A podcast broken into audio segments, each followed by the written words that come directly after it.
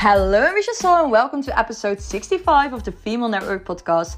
So, I'm so grateful for you all to listen to this podcast and for all the free value that I have to offer. I would appreciate it if you could share a screenshot of this podcast on your social media, or you can give me a review on the channel that you've been listening to.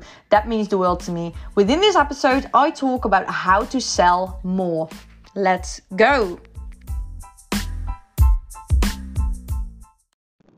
So we're finally in the car again, and oh, what a week! Like, what a good, freaking excited week I had.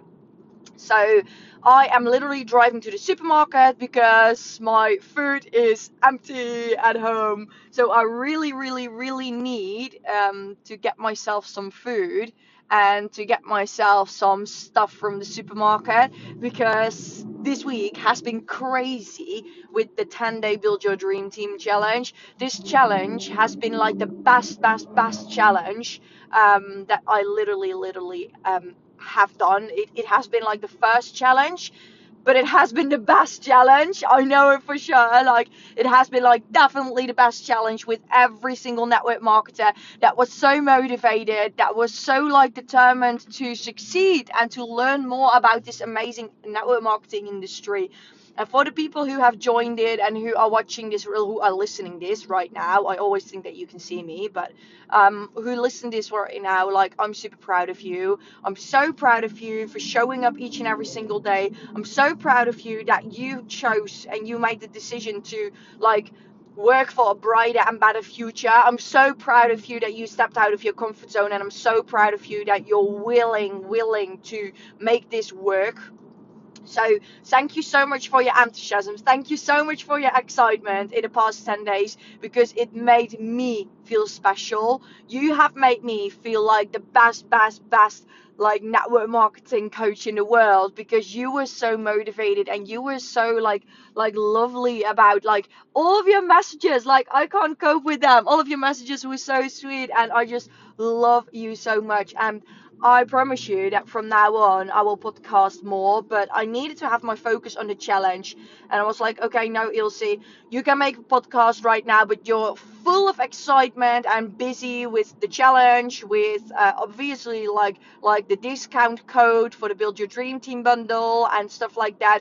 Um, you can still like uh, obviously um, rewatch the challenge and buy it on the website right now because it has only been there for 48 hours and it is gone within like 84 hours right now yeah 84 48 48 hours i don't understand those numbers but if you know me you know me so um yeah that's why I didn't make any podcast episodes because it was like focus, focus, focus, Ilse. Right now I've got my focus. I've got my excitement back for podcasting with you. Oh, and I can't cope with it. Like, I'm super grateful. And I do want to talk to you about a subject that has really been a lifesaver for me. And that is to start helping without selling. Loads of you have problems with selling you know, if it's the product or if it's selling and convincing people that they need to, um, that they can do the business opportunity or they can buy the products and stuff like that. But I really feel that that's not the right thing to do. And loads of people don't know what they need to do in order to literally, like, in order to, like, um, get that limiting belief out of their head. Because if you have the feeling that you need to convince people, that is the moment that you are not 100% in alignment with the products and the business opportunity. Because if you were, you don't need to convince people. You only need to convince people from something if you need to convince yourself. Let this sink in. You only need to convince other people if you still need to convince yourself. Because if I look at the products that I sell within my network marketing business, and if I look at the business opportunity that I have to offer, I am so confident that this is it. I'm so confident that it's changing lives because I've seen it with my own eyes. I've helped people with my own hands, with my heart, with my eyes, with my my energy. I am so convinced of this that I'm like, okay, no, you know, no, no, no, no, no. I'm not convincing people because I don't need to convince people. You know what I mean? I only I wanted to go to the store and now it's closed. Like, ah! okay, so let me drive. But okay, I only need to convince people if I'm not convinced, okay? So the moment you're convinced about your business opportunity and the moment you're convinced about the products that you sell is the moment that everything starts flowing. Because if somebody comes to you and they're like, "Hey, can you tell me a bit more about the, about your amazing products?" Or, or can you tell me a bit more about that beauty product or the health product or the, that oil or whatever you work with? Then you're really calm, you're really excited, and there is no level of insecurity. There's no level of like anxiety because you know that you're just going to tell your story. You're just going to tell them what it has done for you. You're just going to ask them some questions.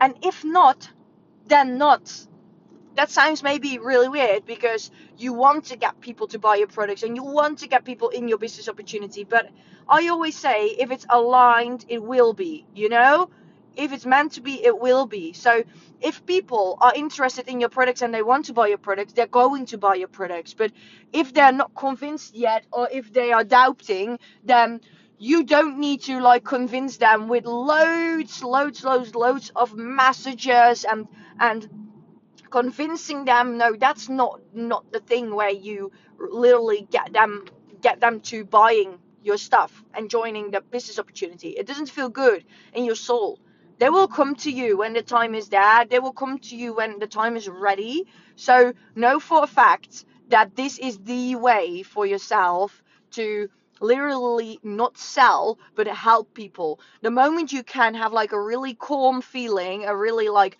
like like chilled feeling about people that join your business and people that that actually make sales the people that actually i'm so sorry i needed to get my eyes on the road but um, that people literally buy your products, that's the moment that everything is good.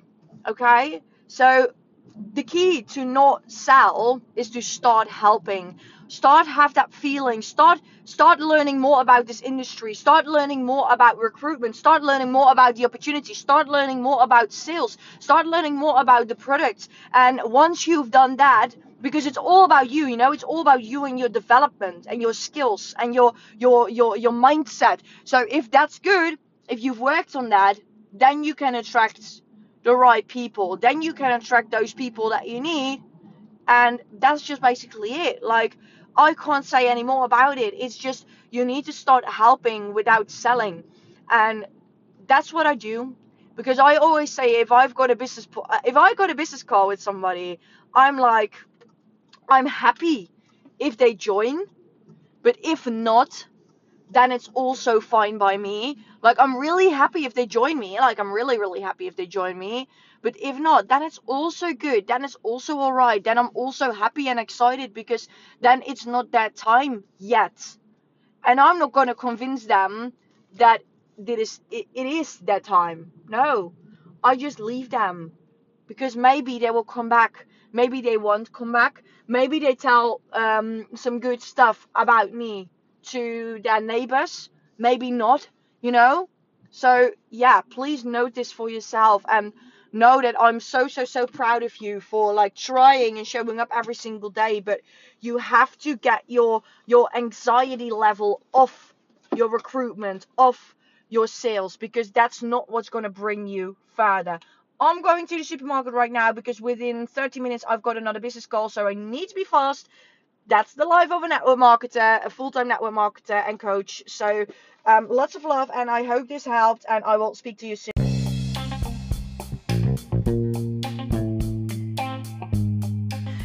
You so much for listening to episode 65 of the Female Network podcast. So, for all the free value that I have to offer, I would appreciate it if you could share a screenshot of this podcast on your social media, or you can give me a review. That means the world to me. If you've got any questions or you want to get into contact with me, please don't hesitate to pop me a message on social media. I would love to get into a conversation with you about anything network marketing related. I hope you enjoyed this as much as I did, and I'm looking forward to the next one.